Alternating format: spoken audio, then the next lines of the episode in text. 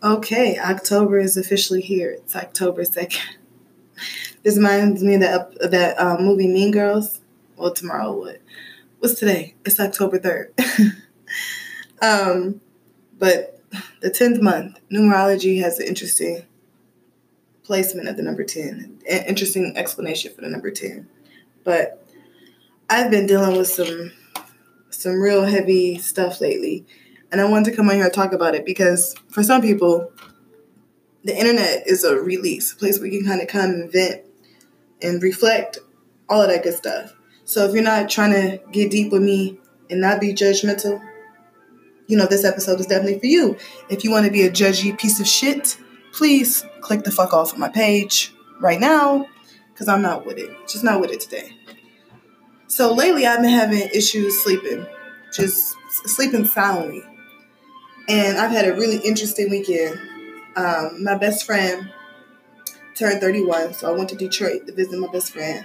I'm gonna just call him the Libra because he's a lucky Libra. Uh, I, I, you know, I realize when I'm on here, I don't want to give too much of my friends' names and things away because they didn't sign up for this. And being friends with me, they always said I talk a lot. I talk a lot, but I always talk to people that they knew and stuff like that, so they didn't mind that way. I don't know how they would feel about me putting all their their are friendship on the internet. So I'll just say lucky Libra. If they ever want to come on here, they can introduce themselves. Cool. So I went to Detroit for his birthday and I end up talking to a friend I haven't talked to in a while. And I wasn't planning on doing that, right? Me, this friend and I, let's call him the Virgo. The Virgo and I had talked prior to this, and I kind of just didn't want to see him anymore because we have this off and on type of relationship. And it's more it's, it's I wish it was just a friendship sometimes, but it it's it's been more than that before, you know. I'm not gay, neither is he. I'm not and no diss to any LGBT people out there. You guys know I love my alphabet soup. But, you know, when it's a straight guy and a straight girl and they've been friends for an extended period of time, chances are something has happened between the two of them. Not in every situation, but in my situation, chances are, you know, if we've been really close, if we really hung out, hung out. Like I have friends where I've been friends with for over 12, 13 years and nothing's happened. That's not that's not what this was. And uh like I said, prior to me coming going to Detroit for his birthday, I just said I kind of just didn't want to do this anymore with him. The the friends with benefits or whatever we were situation, right? But I ended up calling him and we met up for drinks and ate some dinner and we hung out platonic, which was cool. Then the second day, I went to this festival with my friends for his birthday. We went to this this Renaissance festival in Michigan. It was a great time, and for fun, we went and got our tarot cards read. And before, as I was shuffling the deck, the tarot reader said I had healing hands. Before I even shuffled the cards, she said you have healing hands, and you can help a lot of people deal with their stuff, but you have to deal with you first. I'm like, okay. So I finished shuffling, and she started reading my cards, and she read the hell out of me. She said, whoever it is you need to forgive, you need to forgive them. And the only person I kept thinking about was my father.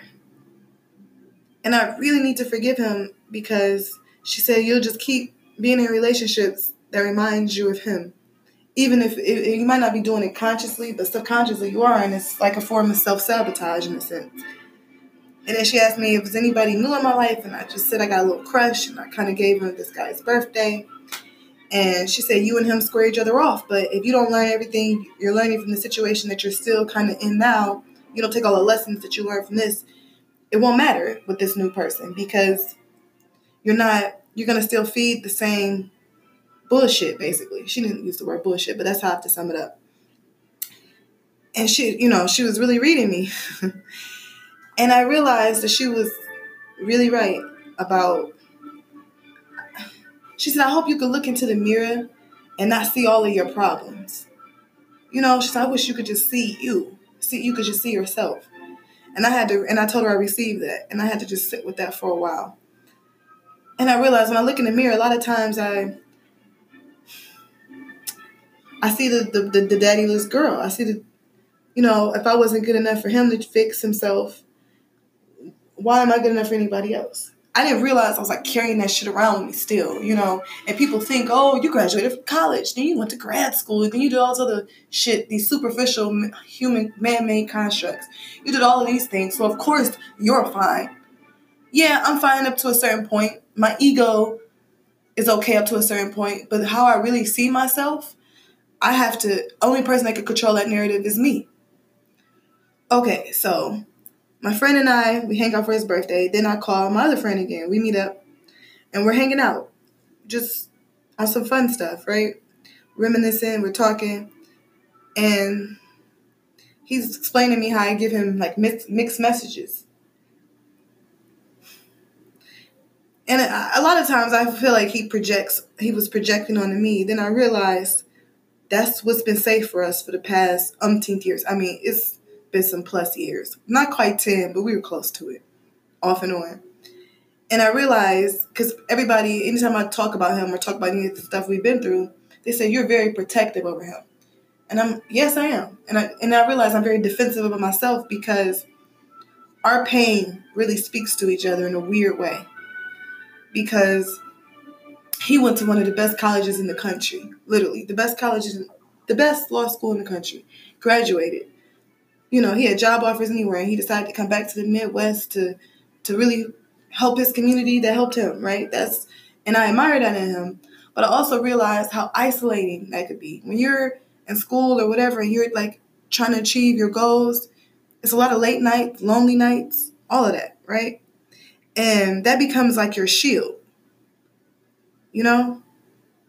Then I realized all this last almost 10 years of us being off and on, I was the little girl waiting on her dad to just see that I was here and for him to love me the way I thought a dad should love me.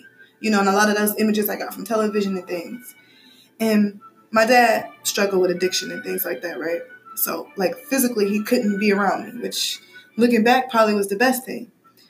And because of that, I had a lot of other men in my life step up like I never missed out on too many father daughter dances or things like that, right? Because there's so many people who wanted to invest in me and who wanted me to not have this void, right?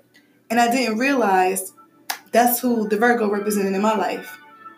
You know, because in between our almost 10 plus years, I dated other people.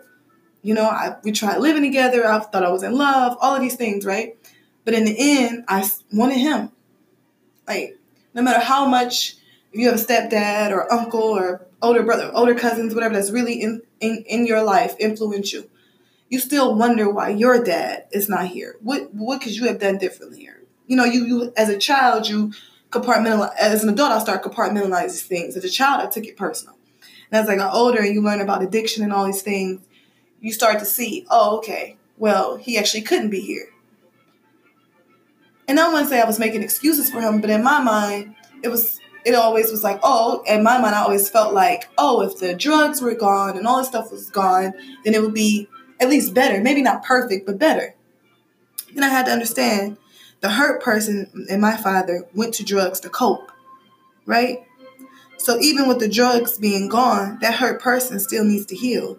And I'm not trying to talk against any therapists or counselors or anything like that, okay? My twin sister is a counselor, and I was talking to her about it.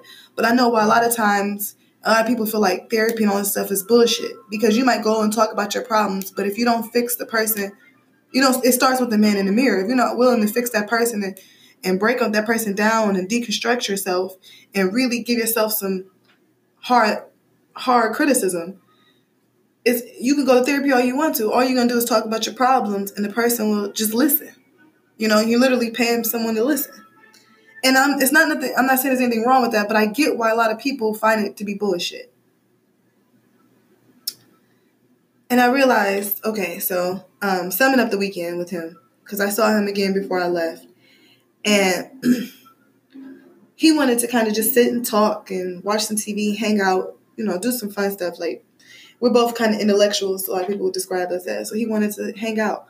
I wanted to do some physical stuff. I'm like, you know, if we're really gonna be done with this friendship or whatever you want to call this, let's end this in a fun note, on a high note. And I realize a lot of people emotional when they have like emotional trauma and stress they're dealing with, their sexual drive can really decrease. I find that for me that's not true. And I I've been black my whole life. I find for a lot of black people, black Americans, I can't speak for the African diaspora, so it's not about Caribbean people, none of that. I can only speak for American descendants of slaves. Our sex drive usually is not what messes up when we're dealing with emotional trauma. That's how. That's why we're still here, even through police killings, abortion, uh, infant mortality, you uh, depression, high blood pressure, all the shit that they try to say. You know, black people are at high risk for all this stuff, right? Because we're still having sex with each other, we're still procreating.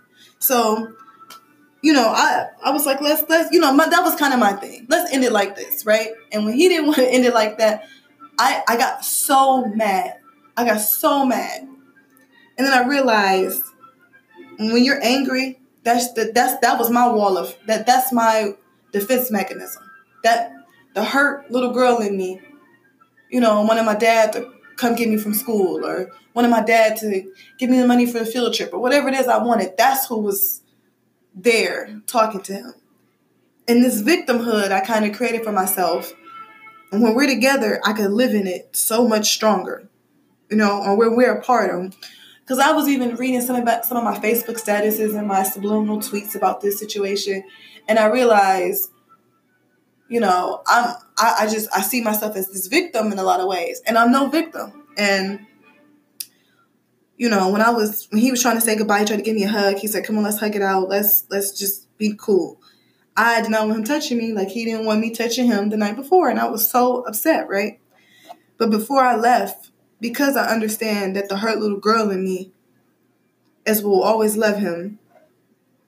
I wrote him this note, this three this three page letter, not quite four pages. Aaliyah, rest in peace. No, she's from Detroit. I think I put reference that in the note I wrote him.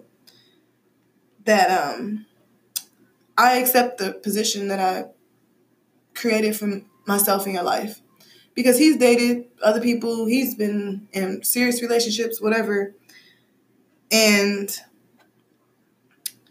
he he always would say it when it ends, it ends so abrupt, you know, it ends like negatively. The girl gets so upset with him and you know, they'll she'll do things like, you know, maybe what's something crazy. What's what Tiffany Haddish said she boo-booed in her ex-boyfriend's Jordans before. Okay, I don't think he, nothing like that has ever happened to him, but some stuff like that kind of, you know, where you come and mess up the person's apartment or you maybe leave your windows down and let the rain get in so it can smell like mold, you know, just petty shit because you're hurt, right? He said, These things keep happening, so I got to take a hard look at myself. And he quoted um, the show Insecure. When the girl was confronting Lawrence, the the girl with the big butt and the big boobs confronted Lawrence and said he was a, a fuck dude because he, and he the worst kind because he thinks he's a good guy. He said, I think that's me. Because, you know, I always looked at myself as this great guy. And, and then I look at a lot of the schools a lot of us go to, right?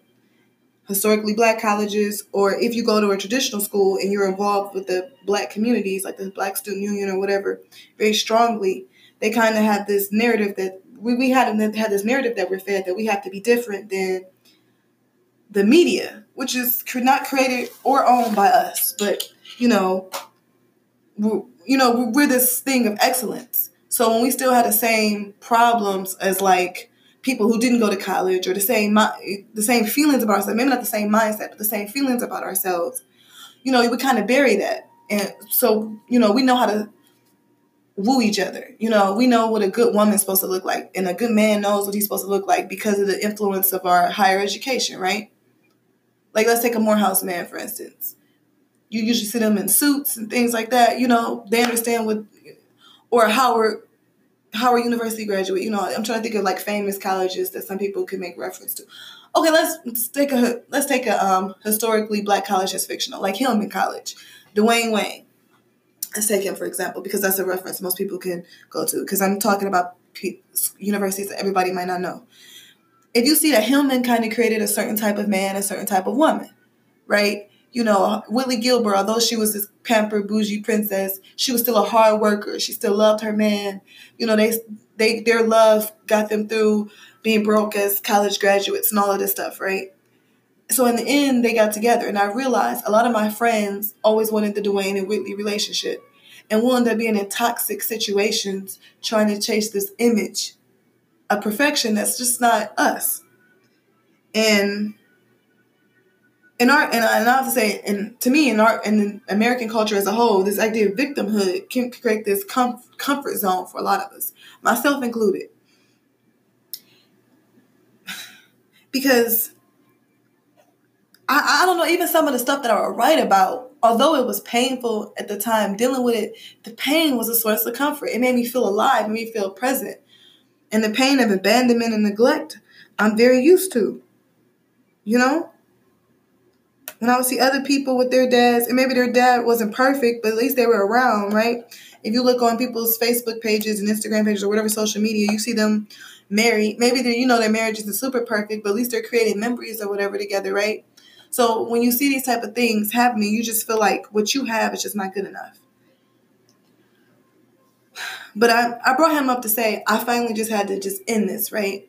And he said, Well, we're still friends, right? Let's take all the physical stuff out of it. We could still be friends. And I told him, like, no, I'm not. I'm not. I, I, I, a part of me will always wonder what would happen if we ever both got our shit together. You know, I always think that we could work or some odd way, so I gotta just let you go completely. Right? And that was really hard for me because a part of me feels like he needs me and I need him, and a, and a part of me always will need to feel needed. Right? And that's just tough for me to. And if somebody needs me, especially if a black man needs me, that's what we shouldn't do. We shouldn't just leave them needing love because the whole world has forsaken them and now I'm forsaking them too. But it's okay to love you more, right? And it's okay for him to love himself more because he pretty much he always told me the truth. You know, he always told me what it was, which is why I think out of all the relationships he's ever been in, even though we've never really been official, our relationship kind of lasts a lot of the last or, a lot longer.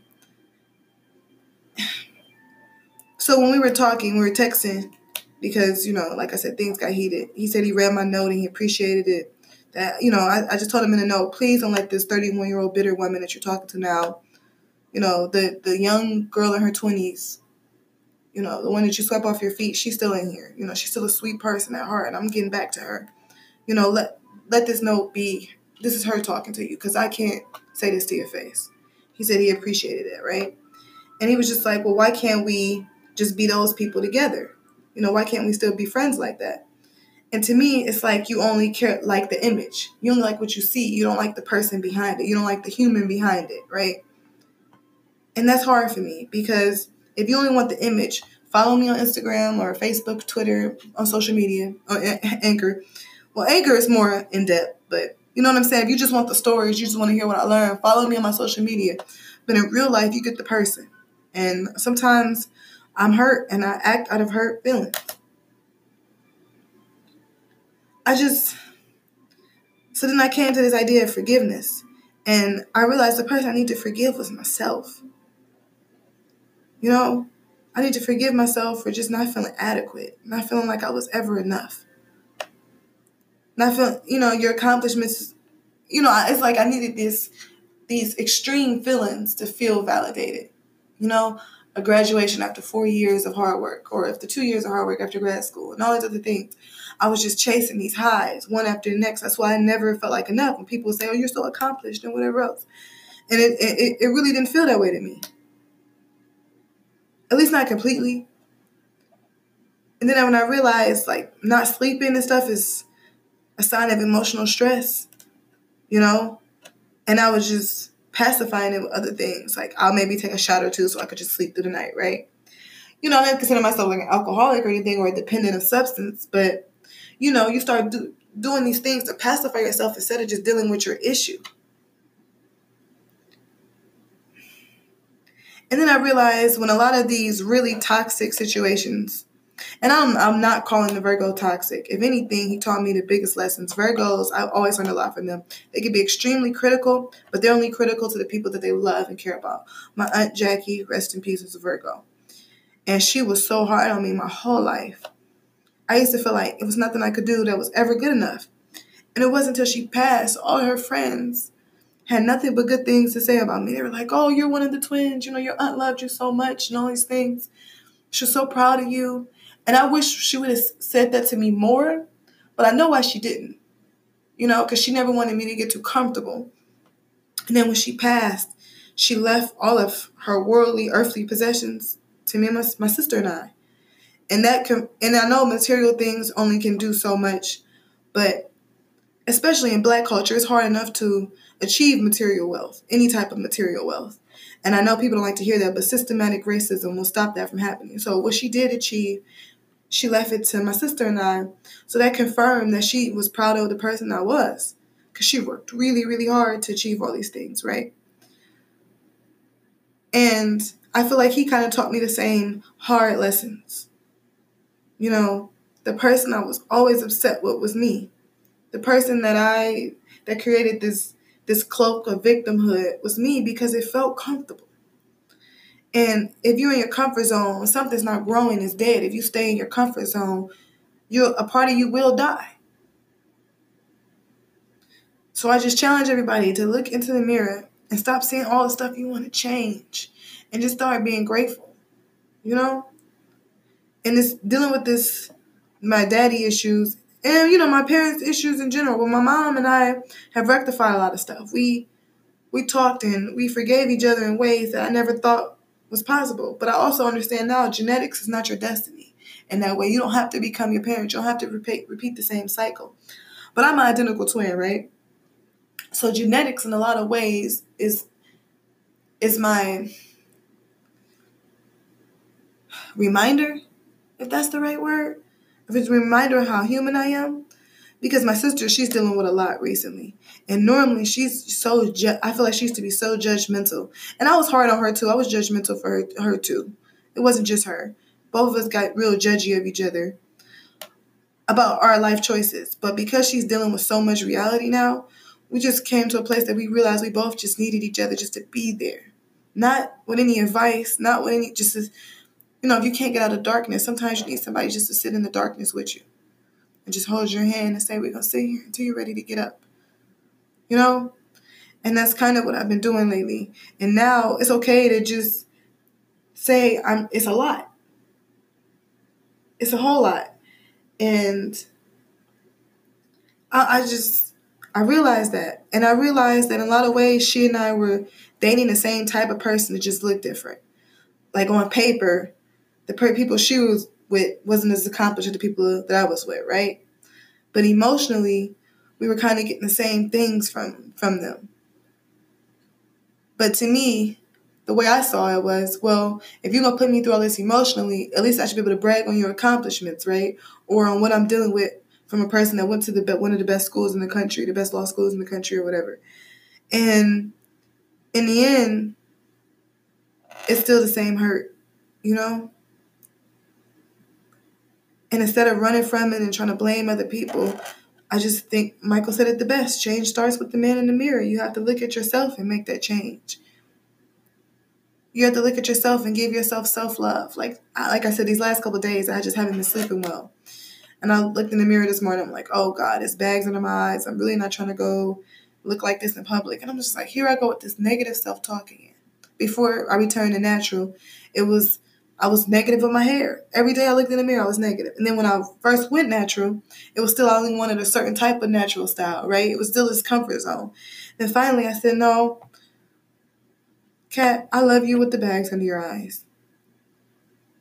It shows me that you're still here, you're still fighting, you're still tired. You're tired some days from working as hard as you've been working lately, but I'm proud of you. And this whole thing that you and one of the reasons you work so hard like this, you're so tired, you really convinced yourself you didn't need anybody. You know, that you could do all this on your own, that you don't want to ask a man for anything. You don't want to ask anybody for anything, really. Women, somewhat more. You can ask them for something, but until I really healed the shit with my mom, I didn't want to ask nobody for nothing because I saw it as weak and vulnerable. And as a child, I hated that feeling. I hated feeling like people had to deal with me because they felt sorry for me, they took pity on me. So I literally worked myself to the bone so I don't have to feel that way anymore. And then when I look in the mirror, I'm not happy with my appearance. So it's all it's this big circle I was going in. And I'm challenging myself to, to break it. All I can say is thank you to that Virgo for teaching me one of the hardest lessons because he he was my reflection in a lot of ways. When I was too scared to look into the mirror, I looked at him you know, to block the view. Because uh, in a lot of ways, I felt like he was looking at the same thing I was. You know, we were both coping in the same type of ways. And I, I'm going to pray for him that he deals with his stuff like I'm trying to like I'm trying to deal with mine. That's all we all do as humans is try. And it seems like that's what he's we're both on this path of trying to be better. That's what made me sit here and self reflect at all because I had to apologize to him too. You know, because I put a lot of my shit on him. I was looking at him to fix me, fix this little hurt girl, and that's only up to me to fix. I control that narrative. He controls narrative of his life he was a symptom of something in my life. That's why, in a lot of ways, it was never like that type of. It was love, but we were never like in love with each other in that way. Our our pain left each other, and we just think that we can create this like Romeo and Juliet or Bonnie and Clyde scenario where it's us against the world situation. When no, it's you against you. Once you conquer the, enemy within, the enemy, the enemy without can do us no harm. We're our own biggest enemy and I just want to get out of my own way. And he challenged me. He told me that straight to my face. You need to get out of your own way because you're not mad at me. You're mad at yourself. You know. And yeah, he point. I think he projected a little bit of some stuff on me, but overall, he was pretty accurate. So the person that sometimes your angry friend or your real critical friend is probably the friend that loves you the most, that really wants to see you fix you not if the person that only ever praises you and say how great and wonderful you are and want to just take Instagram selfies to say squad life with passports, you know, they're feeding the image and stuff too. Now there's nothing wrong with that, but if that's all they want to do, they're feeding the image and shit too. You know, you can't get better if you're not stepping outside your comfort zone. It's I, I keep coming back to that because it's so true. And I realized lately my body hasn't been balanced. That's why I haven't been sleeping and stuff the way I want to. And yeah, you could do the yoga and all that stuff. It can help. But if you're really still not dealing with the actual issues, because I was watching the Red Table Talk with the Smiths, and they were talking about like food, their relationship with food. Each of them, all all of the Smiths, from Trey to Willow, Jaden, Jada, Will, the grandmother, they were all at this table just talking about their relationship with food. And and they all said they, they know how to eat to look a certain way, but they don't really know what food feeds their body in the best way. And that's the same type of thing that I'm saying. We we're all energy. You are what you eat. Energy is never created or destroyed. We're still storing all this negative energy within ourselves. And if you don't understand your process, how you're digesting the people around you, the energy around you, it's it's your energy is not going to change. So I, you know, I challenge everybody who's listening to this to look at your energy. We all have the same 24 hours in the day. And a lot of times we're taught just to chase material things and money and stuff like that. And money is a currency, it's a frequency, it's a very low frequency. Don't get me wrong, money has its purpose and it's important. But, you know, in the end, you can't take it with you. Your experience in life is supposed to be your richest asset. So a lot of times we're looking for these marriages and all this other stuff to make us whole. That's why you see a lot of black folks now on shows like Insecure reflected on marriage, and you see oh wow, my parents' marriage or my grandparents' marriage wasn't perfect. People cheated and did all these things, but they didn't. It didn't seem that way because it was. It, it's their level of comfort. You know, it's in a lot of ways it's our own victimhood, especially as Black folks. Marriage is what made us feel human during slavery when we had to fight for humanity before we could fight for freedom. The fact that we have families and marriages helped us push back against this this narrative that we weren't human. We knew that we were human because we had families, right?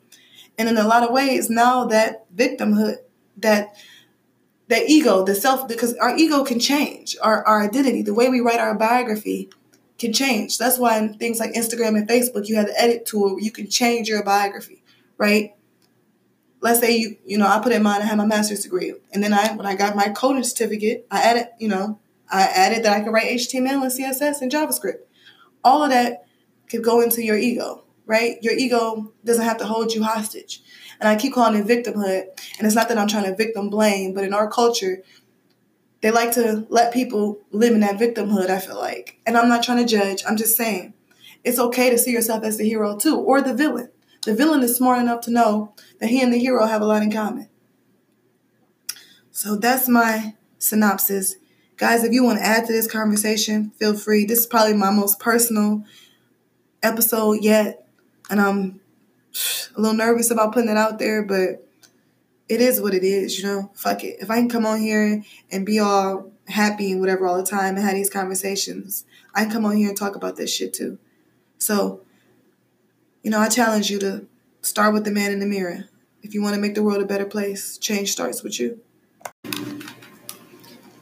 Now it's time to talk about forgiveness. So I talked about forgiving my dad, right?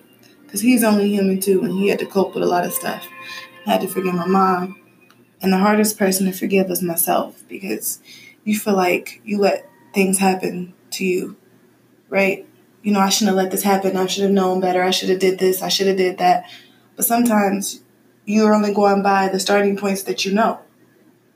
You know, I own this is the example that I had, and I was living my life the best with the best, creating the best experience that I knew how to create, given the tools that I had in my tool belt. And I just want to forgive myself for being angry at men, for not being dependable, or for disappointing me when I would find that cycle. I almost unconsciously seek it out. I forgive myself for that. Because that's all I knew. And I forgive myself for giving away all my power to people who didn't even want it, let alone deserve it, right?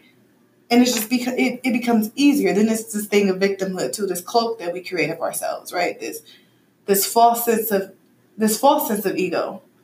Oh well, this person did this to me, and he did this, and I, I, I you know, I, I was just trying to love him, and a lot of times we don't realize that that takes a lot of responsibility off of ourselves too to to do better to to to fix ourselves because if we throw ourselves into a relationship or whatever it is that we throw ourselves into our work. Because as a, a work relationship is a thing too. Being a workaholic i realize that's a big part of how i cope with stuff too.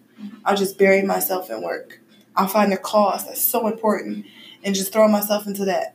And that will give me such validation. That'll make give me such purpose. When I'm still neglecting neglecting me, and I have to forgive myself for that because I didn't know any different. I thought caring about the world and caring about issues and caring about the planet all that mattered.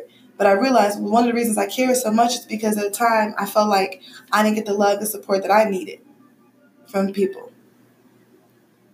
And then I said, oh, if I could just fix this for one other kid, then this would be life would be so much better because you know that's why I went into a lot of fields that I went into the helping fields and things because I was so I was so hurt and I thought this was the way to fix it right? If I just make the world a better place which is not a bad thing. That's that's why it's a lot of, a lot of times it's hard for us to recognize that we're neglecting ourselves so much because we'll fill it with something that's really been neglected you know? And that's okay too but it's also about a balance it's about a balance. We need emotional balance. Your body needs balance. Your equilibrium all these things we are energy. And if we're only feeding one part of ourselves there's parts of us that's starving for something craving it and your body will do anything it can to keep itself alive so if it needs human connection it will seek out the connections they know that your body unconsciously will seek out the connections that your subconscious know you can keep together, which is for me it was neglect, abandonment, disappointment. It was all of that. But in my mind, that came from people not having a certain type of wealth or a certain type of knowledge. Um, a certain maybe a certain not having a certain type of degree in things. So I forgive myself for being wrong about that. Cause all of us are all of us are in pain in some way or another. The person you think has the perfect life, they're in pain about something because we're human beings and that's part of it.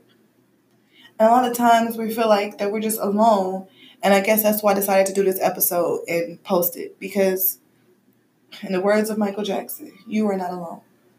There are a bunch of people that feel the exact same way you do.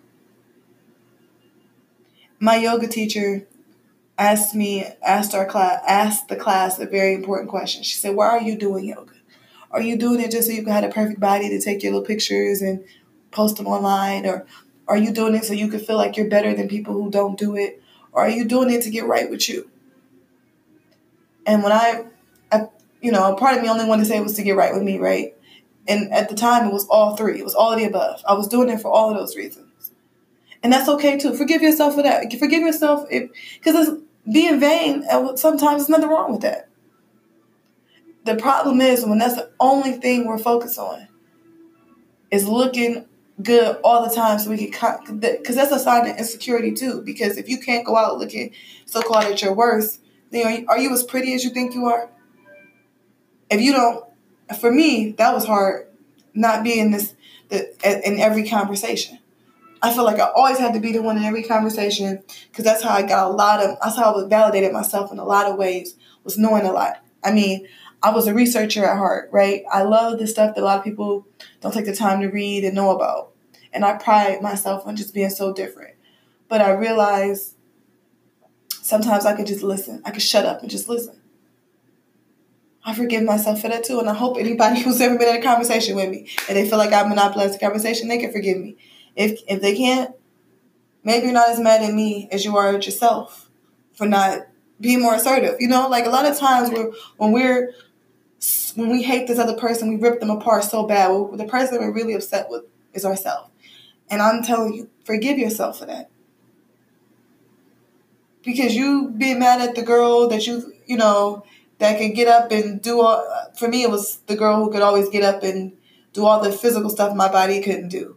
Right? She could, when I was in cheerleading, she could the one that could do the back handsprings and stuff with no problem. I had to work so hard. At, she could just remember every cheer, every step. On I could not my something about my brain and my body that was disconnected, and I would just be like, oh, if I could just do that, my day would go be perfect. Forgive yourself for comparing yourself against somebody else. It's just forgive yourself for giving away all your power, to giving it to someone who didn't want it. And to begin with, you you know you it's easier for us to give our power away as individuals because then we don't have to take responsibility for the experience that we're having. You know, well, it's not my fault. You know, I, I came here to be with this person and and they're the ones who did me like this and they're the ones well maybe if you stop giving discounts we all know our own worth. And I'm this is for men and women because a lot of times people want to just put this on women. When I realize how bad men are hurting, and it shows up for in different ways with men. It could be excessive drinking, and I'm not saying, see, everybody thinks to fall over drunk at the corner store or whatever, right? The person that, or a person that has 10, 15 DUIs. You could be the person that has to order a drink with dinner every single night. You know what I mean? It could be the person that needs that little flask to get through this boring event or the boring wedding or whatever, because this is what they have to be a part of. Or it could be the workaholic who feel like every day they come off work from working these 12, 11 hour shifts, they have to have a drink or whatever it is their vice is. For a lot of men, it could be a lot of different relationships. They'll get in one, you know, they'll have several relationships going at once. Usually that's a sign of some sort of inadequacy that you're feeling. Where no one person is enough. One no one person can satisfy your appetite. Something's not sitting well in your spirit. You're not satisfying yourself enough. And I'm talking about spiritually. It's not just a physical thing, it's a mental thing. Where, oh, I just need to read one more book so I can even have this conversation again so I can know this much more than everybody else. That type of arrogance, too, is also, for a lot of men, could be a sign of sadness and pain and hurt and abandonment and things, too. Like in our culture, men, I guess, can't feel these things or they can't express them. And that's unfortunate. So I think everybody needs to just forgive themselves and then forgive the people who hurt you. You know, they, everybody deserves forgiveness, and you're not forgiving them for you. I had to learn what forgiveness really looked like. Like I said, I'm grew up in a very I'm from the Midwest in a very black environment. To me, forgiveness looked like submissive, being really submissive to someone, or just letting them do whatever to you, and you just forgive, forgive. No, no, no, no. Forgiveness is I'm at peace with whatever happened. Like I let it go. I release you from I release me from caring about this deal. I release me from caring about this. I forgive me for accepting this behavior when I knew I didn't deserve this experience or I didn't want this experience. I didn't like this experience. I had to really forgive myself for being a part of an experience that I always didn't agree with. But because I thought I needed this person in my life to feel validated, I kept it going. So I wanted to end on the note of forgiveness, not just the lesson of self reflection. But it's okay to forgive yourself. And that looks like really change, and forgiveness really looks like a change behavior. That means your next relationship maybe taking it slow. Maybe not just trying to create this this fantasy for yourself. Oh, this person look we look good together. We'll take great pictures. My friends will respect this relationship. You know what I mean? This would be something so different than what everybody else is dealing with. I deserve to have someone who looks like this on my arm. You know, if we let go of all these preconceived notions of who we should or shouldn't be, what we should and shouldn't do, not to say we should go out and do horrible, harmful things to people, but a lot of times we feel like a good woman should have a man. A good man should be with a should have a family that he provides for.